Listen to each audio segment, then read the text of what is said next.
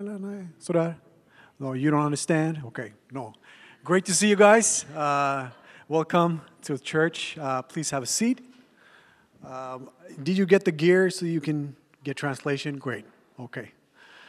Um, vi uh, kids får gärna gå iväg nu så ska vi uh, stå upp igen. Please stand again and, and listen to uh, from Luke. Uh, I, I will read in Swedish, but I'll just let you know where we're reading from. So it's Luke 5 27 uh, to 31. Sedan gick Jesus därifrån och fick då se en tullindrivare vid namn Levi sitta utanför tullhuset. Han sa till honom, följ mig. Levi lämnade allt och steg upp och följde honom. Levi gav en fest för Jesus i sitt hus och där var en mängd tullindrivare och andra som låg till bords med dem. Men fariseerna och särskilt de skriftlärda bland dem blev förargade och sa till sina lärjungar. Hur kan ni äta, till hans lärjungar, hur kan ni äta och dricka tillsammans med tullindrivare och syndare? Amen.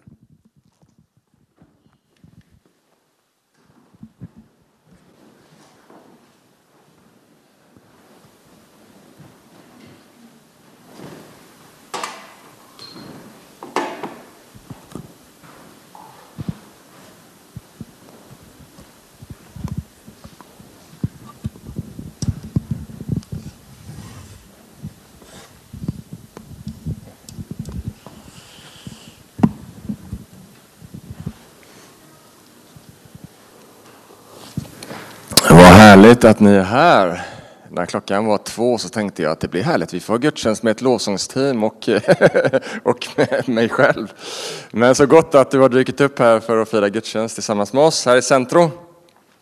Riktigt kul att du är här. Jag heter Jakob och är pastor här i församlingen. Och eh, idag så inleder vi ju en ny serie. Vi brukar ju ha serier där vi predikar igenom bibelböcker. Eh, nu eh, så har vi inte riktigt en, en bibelbokserie, men vi följer ett tema genom evangelierna och vi kallar den här serien för Middag med Jesus. Där vi eh, besöker Jesus, i, vi gör liksom nedslag vid de tillfällena där han käkar med människor och har liksom en god stund med människor. Jag tror att det här kommer bli en, en eh, goa veckor här framöver. C.S. Lewis, författare, teolog, filosof, allt möjligt var han. En gigant bland giganter. Men han har sagt någonting som lyder så här. Solen ser ner på inget hälften så bra som ett hushåll som skrattar tillsammans över en måltid. Kanske var lite knepigt, men vad han säger det. liksom att inte mycket händer som är så bra som när vi faktiskt har glädje över en bit mat tillsammans. Det finns någonting i att käka tillsammans. Och människan sticker ut. Vi är skapade på ett sådant sätt så att maten betyder mer än bara att få kroppen att fungera. Men det är ju liksom, det är bara, det är basalt, va? vi får käka mat och det gör att jag får energi och styrka och jag kan liksom göra saker. Men Gud har skapat människan på ett sådant sätt så maten betyder mer. Vi kan njuta av smakupplevelser. Jag tillhör de som älskar smakupplevelser. Jag älskar mat i alla former. Eh, så vi kan njuta av det. Ibland kan vi också, kanske inte njuta, men vi kan uppleva också motsatsen till smakupplevelse. Men faktum är att när man äter mat tillsammans, till och med en medioker måltid kan upplevas som en femstjärnig liksom, måltid när man delar den tillsammans med andra. Och det är inte bara liksom, ah, det är liksom så här, utan det är faktiskt forskning till och med. Man vet att människan reagerar på ett sådant sätt som mat smakar bättre i gemenskap med andra. Man äter nyttigare vet man också, man äter mer hälsosamt när man äter tillsammans. Det finns massa saker som händer när vi äter tillsammans. Men en måltid kan vara mycket mer än också en smakupplevelse eller nyttig mat eller onyttig mat, eller att ge energi och näring för kroppen. En måltid kan också ge näring åt själen. En måltid kan vara en upplevelse som bygger vänskap, som bygger intimitet, som skapar emotionella band människor emellan. Man använder mat och har gjort genom historien för att sluta förbund, för att ingå fred. Ofta när man har bröllop, man har slutit ett viktigt förbund, så har man fest tillsammans, man njuter av god mat och god dryck. Man firar att konflikter har lagt sig och fred har ingåtts. Vad är det då med Jesu måltider?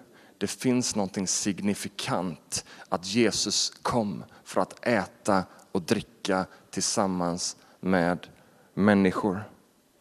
Han är på så mycket fester, Jesus, så många middagar, så att de religiösa beskyller honom för att vara kung i baren. De beskyller honom för att liksom vara en festprisse, för att bara hålla på liksom, och vara runt på middagar och liksom röra sig i de kretsarna. Jag tror Jesus tyckte det var helt trevligt med en bit mat och liksom den typen av sällskap.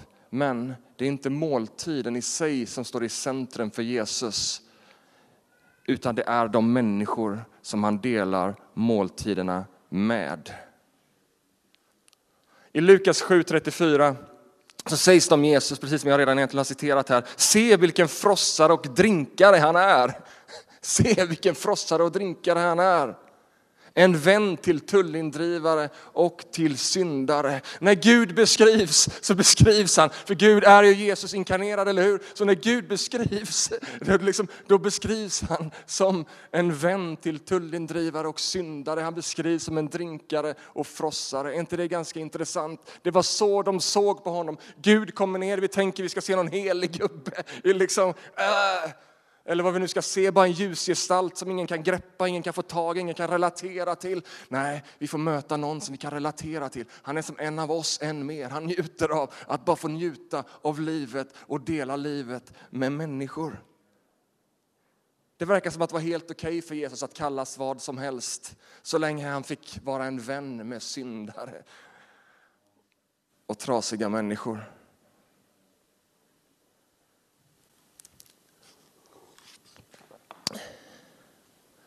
Jesus har kommit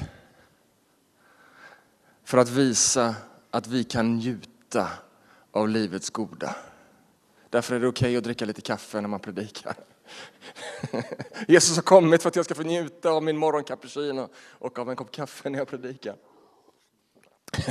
Är ni med mig? Men än mer har han kommit för att skapa gemenskap, vänskap och intimitet mellan människa och människa. Inte bara människa och människa inom sin egen klubb, utan över gränserna. Han har kommit för att visa Guds intention av att skapa frid mellan Gud och människa. Måltid äts för att visa att konflikten är borta. Fred och frid har instiftats. Kom, låt oss äta tillsammans. Välkommen med under fem veckor på en gastronomisk resa som i påsken kommer landa i Herrens måltid och den himmelska måltiden som ligger framför. Så fem söndagar ska vi följa med Jesus genom hans matberättelser. I dagens text så möter vi Levi. Och Levi, han har två namn i Bibeln, Levi och Matteus. Så I de andra evangelierna så beskrivs han som bara Matteus, men här så möter vi honom som Levi. Eh, och namn i många kulturer har liksom en signifikant betydelse. Det är inte bara namn, utan namn liksom beskriver identitet. Så därför är det ganska vanligt att människor i, i, i Nya Testamentet, när de möter Jesus till omvändelse, så får de också ett nytt namn. Vi har Saulus som blev Paulus, eh, och vi har Simon som blev Petrus. Och vi har här möter vi Levi som blev Matteus. Och han beskrivs som en tullindrivare. Och bara för att liksom ge dig vad det där handlar om, det är på ett sätt är det självförklarande men kanske ändå inte.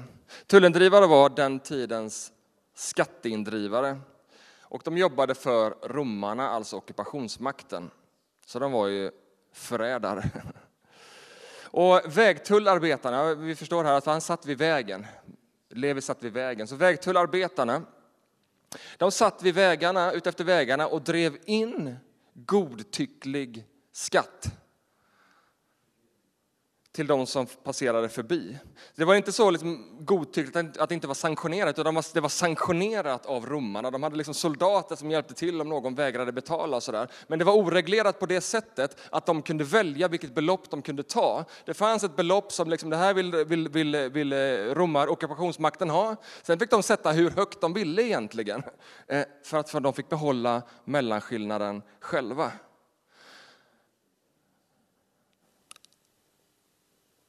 Inte konstigt att tullindrivarna sågs både som gangsters och som förrädare av folket. Det var ingen man gillade. Och Levi tullpost var med all sannolikhet i Kapernaum. Och Kapernaum är, eller var Jesu hemstad. Det var, kan man säga, att det var centrum för hans verksamhet. Och en del menar att de här tullposterna var mobila, så de kunde flytta runt. Liksom. Där det är mycket folk, dit sätter vi oss och så driver vi in pengar där, för då blir det mer pengar. Eh, så man kan ju leka lite med tanken, därför att Jesus har precis varit undervisat här. Och vem satt där? Där satt Levi. Varför? Det var mycket folk. Kanske var det så att Levi flyttade sin verksamhet utefter var Jesus var någonstans. Det är inget vi vet i texten, men det skulle kunna vara så att han var där Jesus var, för där Jesus var, där var det mycket folk. Oavsett om det är så, så hade han med all sannolikhet i denna lilla staden Kapernaum hört Jesus undervisa på gatorna. Han hade hört Jesu budskap. Men Levi hade troligtvis inte vågat ens tänka tanken att det Jesus pratade om skulle kunna gälla honom. Levi var genom sina livsval diskvalificerad både av sin samtid men troligtvis hade han också diskvalificerat sig själv. Han hade valt det livet han hade valt och visste att det kom med följder och konsekvenser. Samtiden pratade om, som vi också mötte i texten, om syndare och tullindrivare som en kategori. Det var liksom samma gäng, det var de liksom som, som visste själva att de var diskvalificerade. Det var de som var diskvalificerade av alla andra. De var inte välkomna i synagogan, så de fick inte lyssna till Guds ord. De var inte välkomna i liksom gemenskapen med, med liksom de fina människorna, utan de fick hålla sig för sig själva. Och Levi och sådana som honom hade troligtvis lärt sig att som förrädare så fanns det inget hopp för dem. De var diskvalificerade inte bara av sin samtid utan också av Gud. Och där sitter han, Levi, i dagens text. Ibland när man tänker på de här tullindrivarna, Sackeus och Levi, och då tänker man lite så här timid person, men man, det här var lite smågangster, känner med mig. De hade backup ifrån soldater och det var liksom, men det där sitter han i alla fall. En helt vanlig dag och han samlar in pengar till ockupationsmakten och åt sig själv. Och Jesus, det står att han har botat några sjuka och undervisat lite grann där. Eh, och så kommer han fram till Levi och kanske är det så att det är Levi som först pockar på Jesu uppmärksamhet. Hallå, stanna! Jag vill ha en dinar, eller vad det nu kan vara. Kanske är det så att han krävde in skatt av Jesus, vi vet inte, men det är ju högst sannolikt om han satt där. Så Levi ber Jesus om en slant, men Jesus ber Levi stå upp, kom och följ mig. Och jag tänker mot den bakgrunden vi har hört, Levi har med all sannolikhet hört Jesu undervisning. Kanske har han hört nästan allt vad han har följt efter. Eller kanske han har hört lite slumpmässigt och han har hört återberättas vad andra har sagt. Men han har hört. Jag tänker mig att hopp hade börjat att spira i Levis hopplösa hjärta. Jesu budskap som var så radikalt annorlunda. Kanske Levi hade börjat tänka, jag vet att jag är utesluten från samhället, jag vet att de religiösa säger att jag inte duger, jag vet att jag inte får gå liksom till synagogan, men kanske den där Jesus, kanske, kanske. Jesus som kallade vanliga människor fiskare att följa honom. Jesus som förkunnade goda nyheter till de fattiga, frihet för de fångna och syn för de blinda, frihet för de förtryckta och ett nådens år från Herren. Kanske hade det börjat hända någonting här inne. kanske hade tro och hopp och längtan börjat spira. Jag tror att Levis hjärta redan hade blivit träffat av Jesu ord och det är därför som Levi inte tvekar. Om Jesus kommer och kallar mig, om det mot all förmodan skulle hända, om hans erbjudande och löfte också skulle gälla mig, då kommer jag inte tveka. Jag tror att det redan hade börjat en process. Så står det att Levi lämnade allt, reste sig och följde Jesus. Och det är signifikant. Levi var en rik, mycket rik man. De här tullindrivarna blev rika. Det finns ingen annan logisk förklaring till att välja ett yrke där du blir utfryst från samhället, du blir utfryst från den religion du vuxit upp med,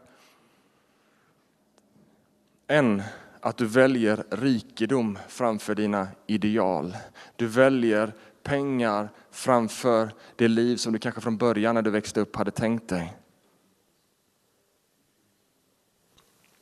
Det var ett val och en drivkraft som fick honom att agera orättfärdigt, att trampa på andra, men också att trampa på sin egen värdighet. Men vi förstår att det livet, det gav honom inte den tillfredsställelse han hade sökt efter. Han hade allt materiellt, men fann sig själv längtandes efter mer.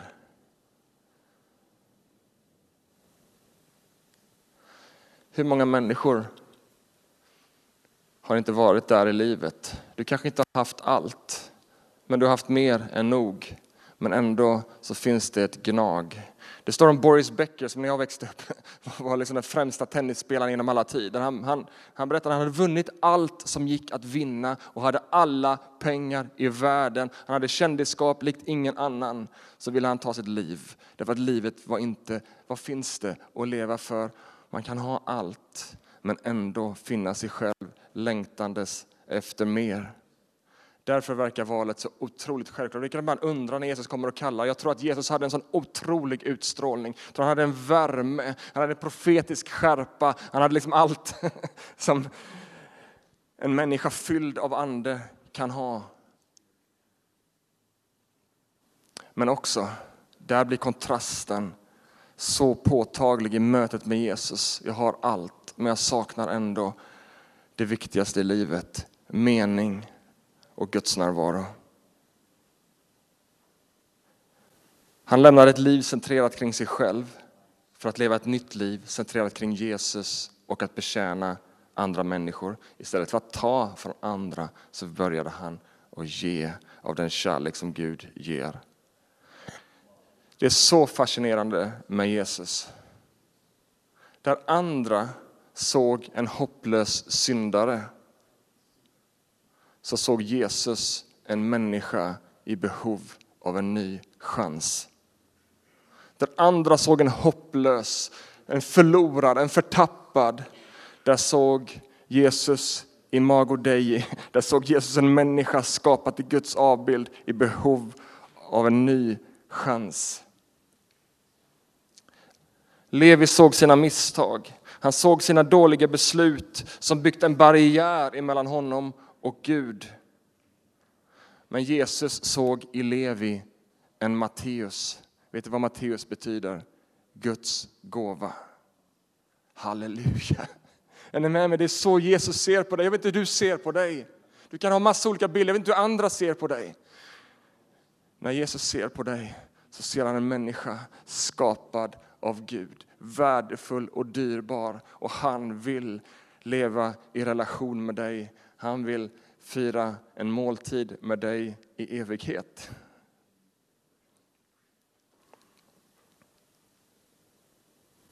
Uppfylld av livsförvandlingen så gör Levi en stor fest. Vi borde festa lite mer tror jag. Det var naturligt för honom, men livet hade bara wow, låt oss ordna en stor fest. Livet är för grått och för tråkigt.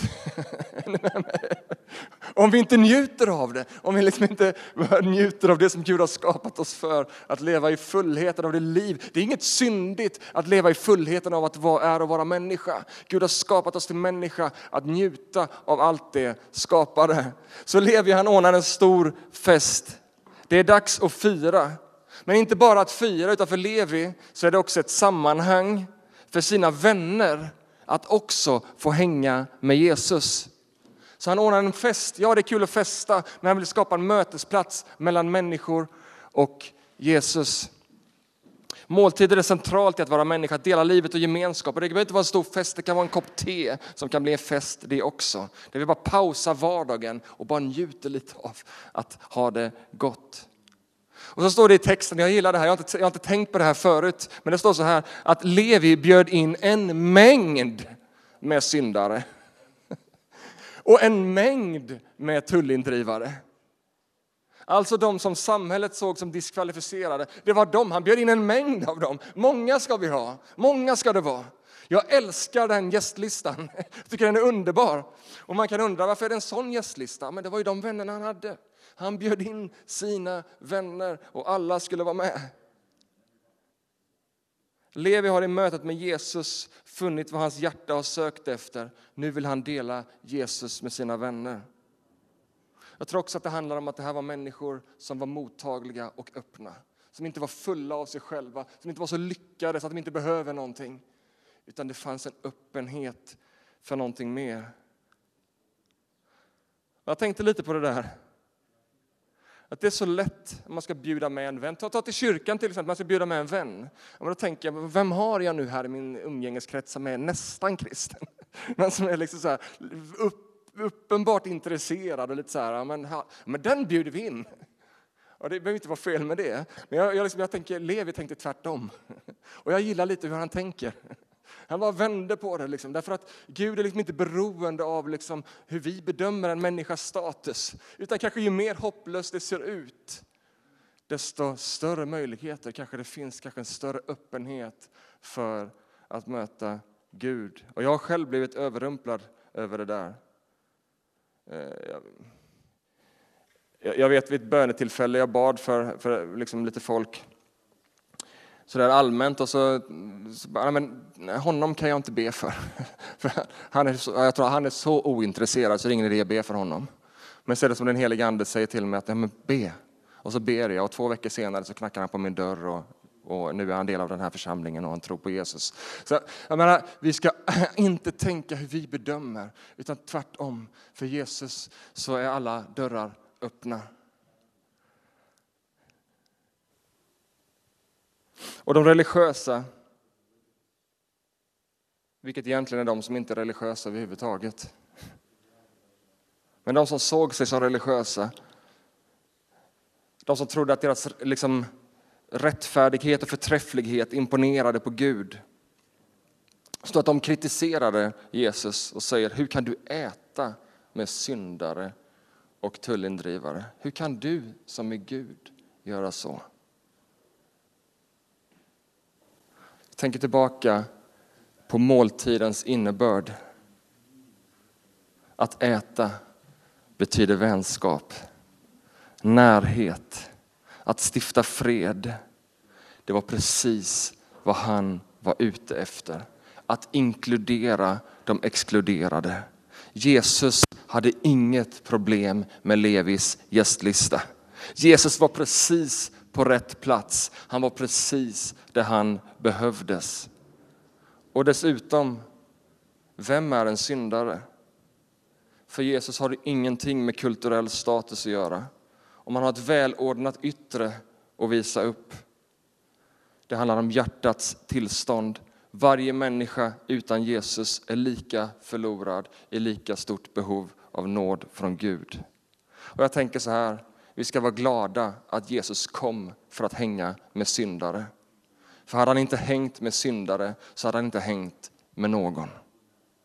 Jesus kom för att hänga med dem som verkligen behövde. Om Jesus inte hade ätit med syndare så hade ingen fått veta att omvändelse och förlåtelse var möjlig. Så på det religiösas högmod och på den här liksom elitistiska frågan så svarar Jesus, hur kan du äta med de här? Hur kan du äta med syndare? Så svarar Jesus, det är inte de friska som behöver läkare, utan de sjuka. Jag har nämligen inte kommit för att kalla rättfärdiga, utan syndare till omvändelse. Tror att kyrkan genom alla tider, Jesus kyrka genom alla tider har varit som bäst när den lever nära de svaga, de sargade, de brutna, de fattiga, de som är utstötta av den här världen. Jag tror att det någonstans är bara ett budskap, när vi pratar om en måltid, vad är det här för predikan du har idag Jakob? Det är liksom lite trivialt jämfört när vi köttar igenom Hebreerbrevet. Liksom. Kom igen! Här finns något fundamentalt i vad det är att vara kyrka. Och vi vill följa Jesus i hans efterföljd. Så är vår vision att vi vill följa Jesus ut i vår stad. Det finns någonting av att följa honom ut där behoven är som störst. Att ta ansvar för människor som ingen annan tar ansvar för. Att hjälpa den som ingen annan hjälper. Att be för den som ingen annan ber för. Att hoppas där allt hopp är ute. När en människa har förlorat hoppet. Tänk om vi kan komma, jag vill hoppas med dig. Jag vill be med dig. Jag vill stå med dig. Jag vill finnas där för dig. Jag har nämligen kommit,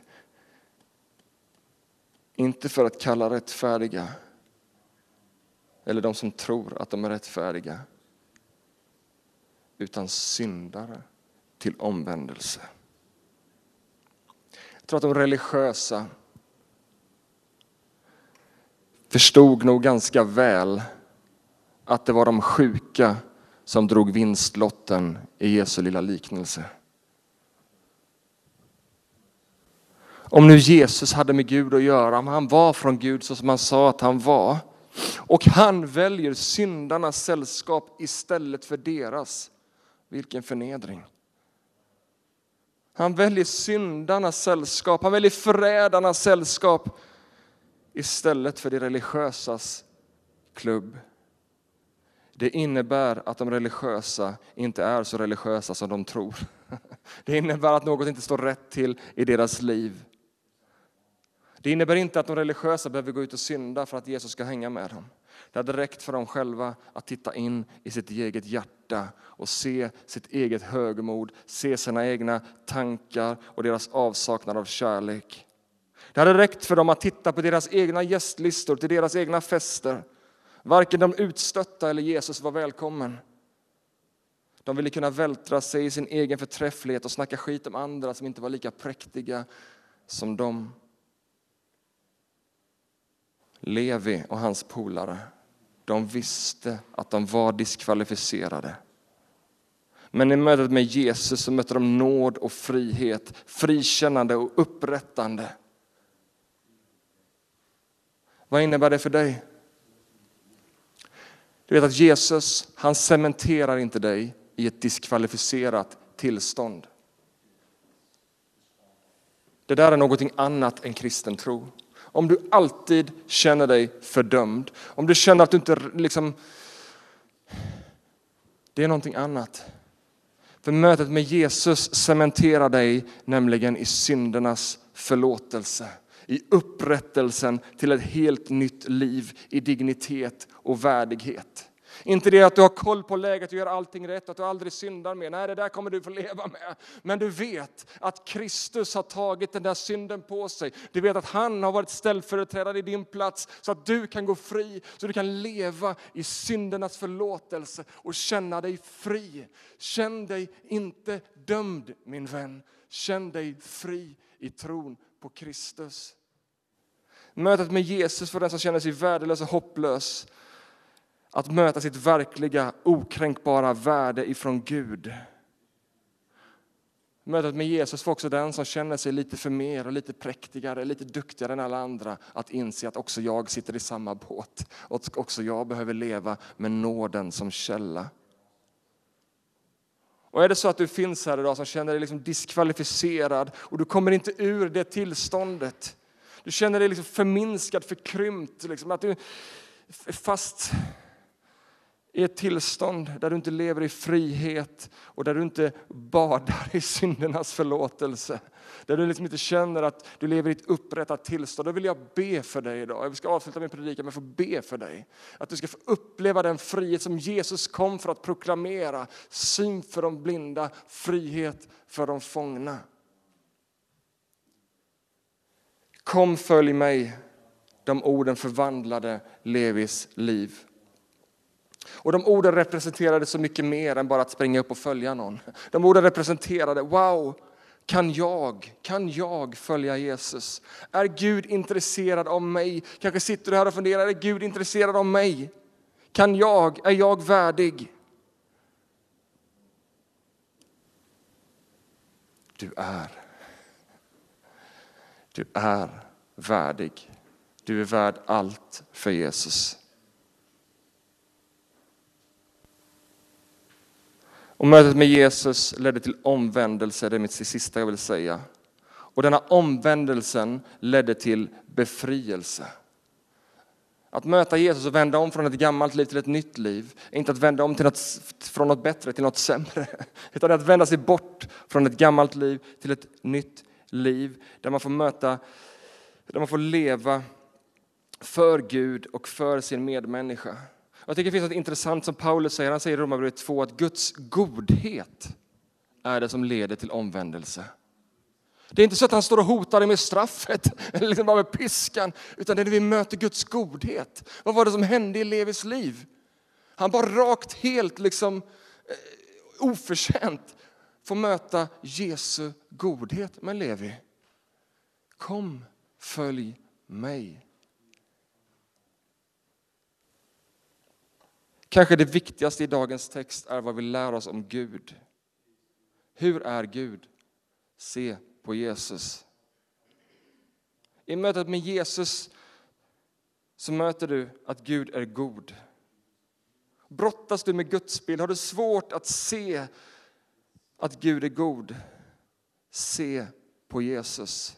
Se på Jesus, fullheten av Gud i mänsklig gestalt. Vi kan se hur Gud är.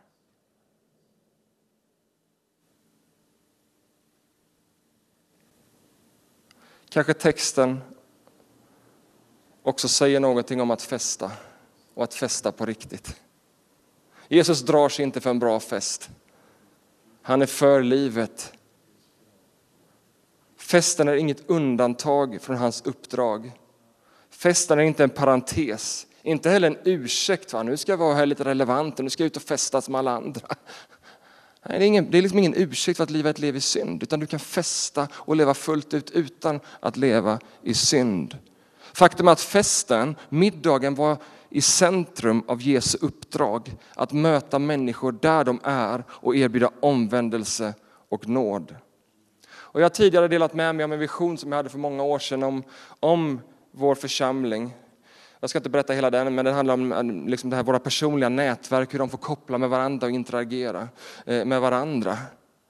Där vi inte tänker i kategorierna vi och dem, där vi bjuder in, nu ska jag ha en middag här, då bjuder jag in mina kyrkkompisar och sen nästa lördag har jag en middag här, då bjuder jag in mina andra kompisar. Vi måste sluta med det där. Vi måste riva ner de där väggarna, vara lite mer som Jesus som bjuder alla till festen. Det lät ju klyschigt som en söndagsskola-grej. Liksom. Men kom igen, där vi liksom bara blandar, därför att det är där som magi uppstår. Det är en sån fest som Jesus gillar att komma på. Inte bara den heliga klubben sitter. Jag har inte kommit för att kalla dem rättfärdiga utan jag har kommit för syndarna. Ja, men kom igen, låt oss öppna upp och skapa sammanhang där människor kan få möta Jesus genom dig och mig genom varandra. Och då tänker jag, wow, vilka middagar vi kommer att ha framöver, vilka fester vi kommer att ha, där vi bara får se nya konstellationer, nya möten och där Jesus får vara i centrum.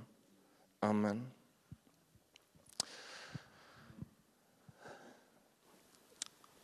Herre, jag vill bara ta en liten stund och be för den just nu som blev träffad.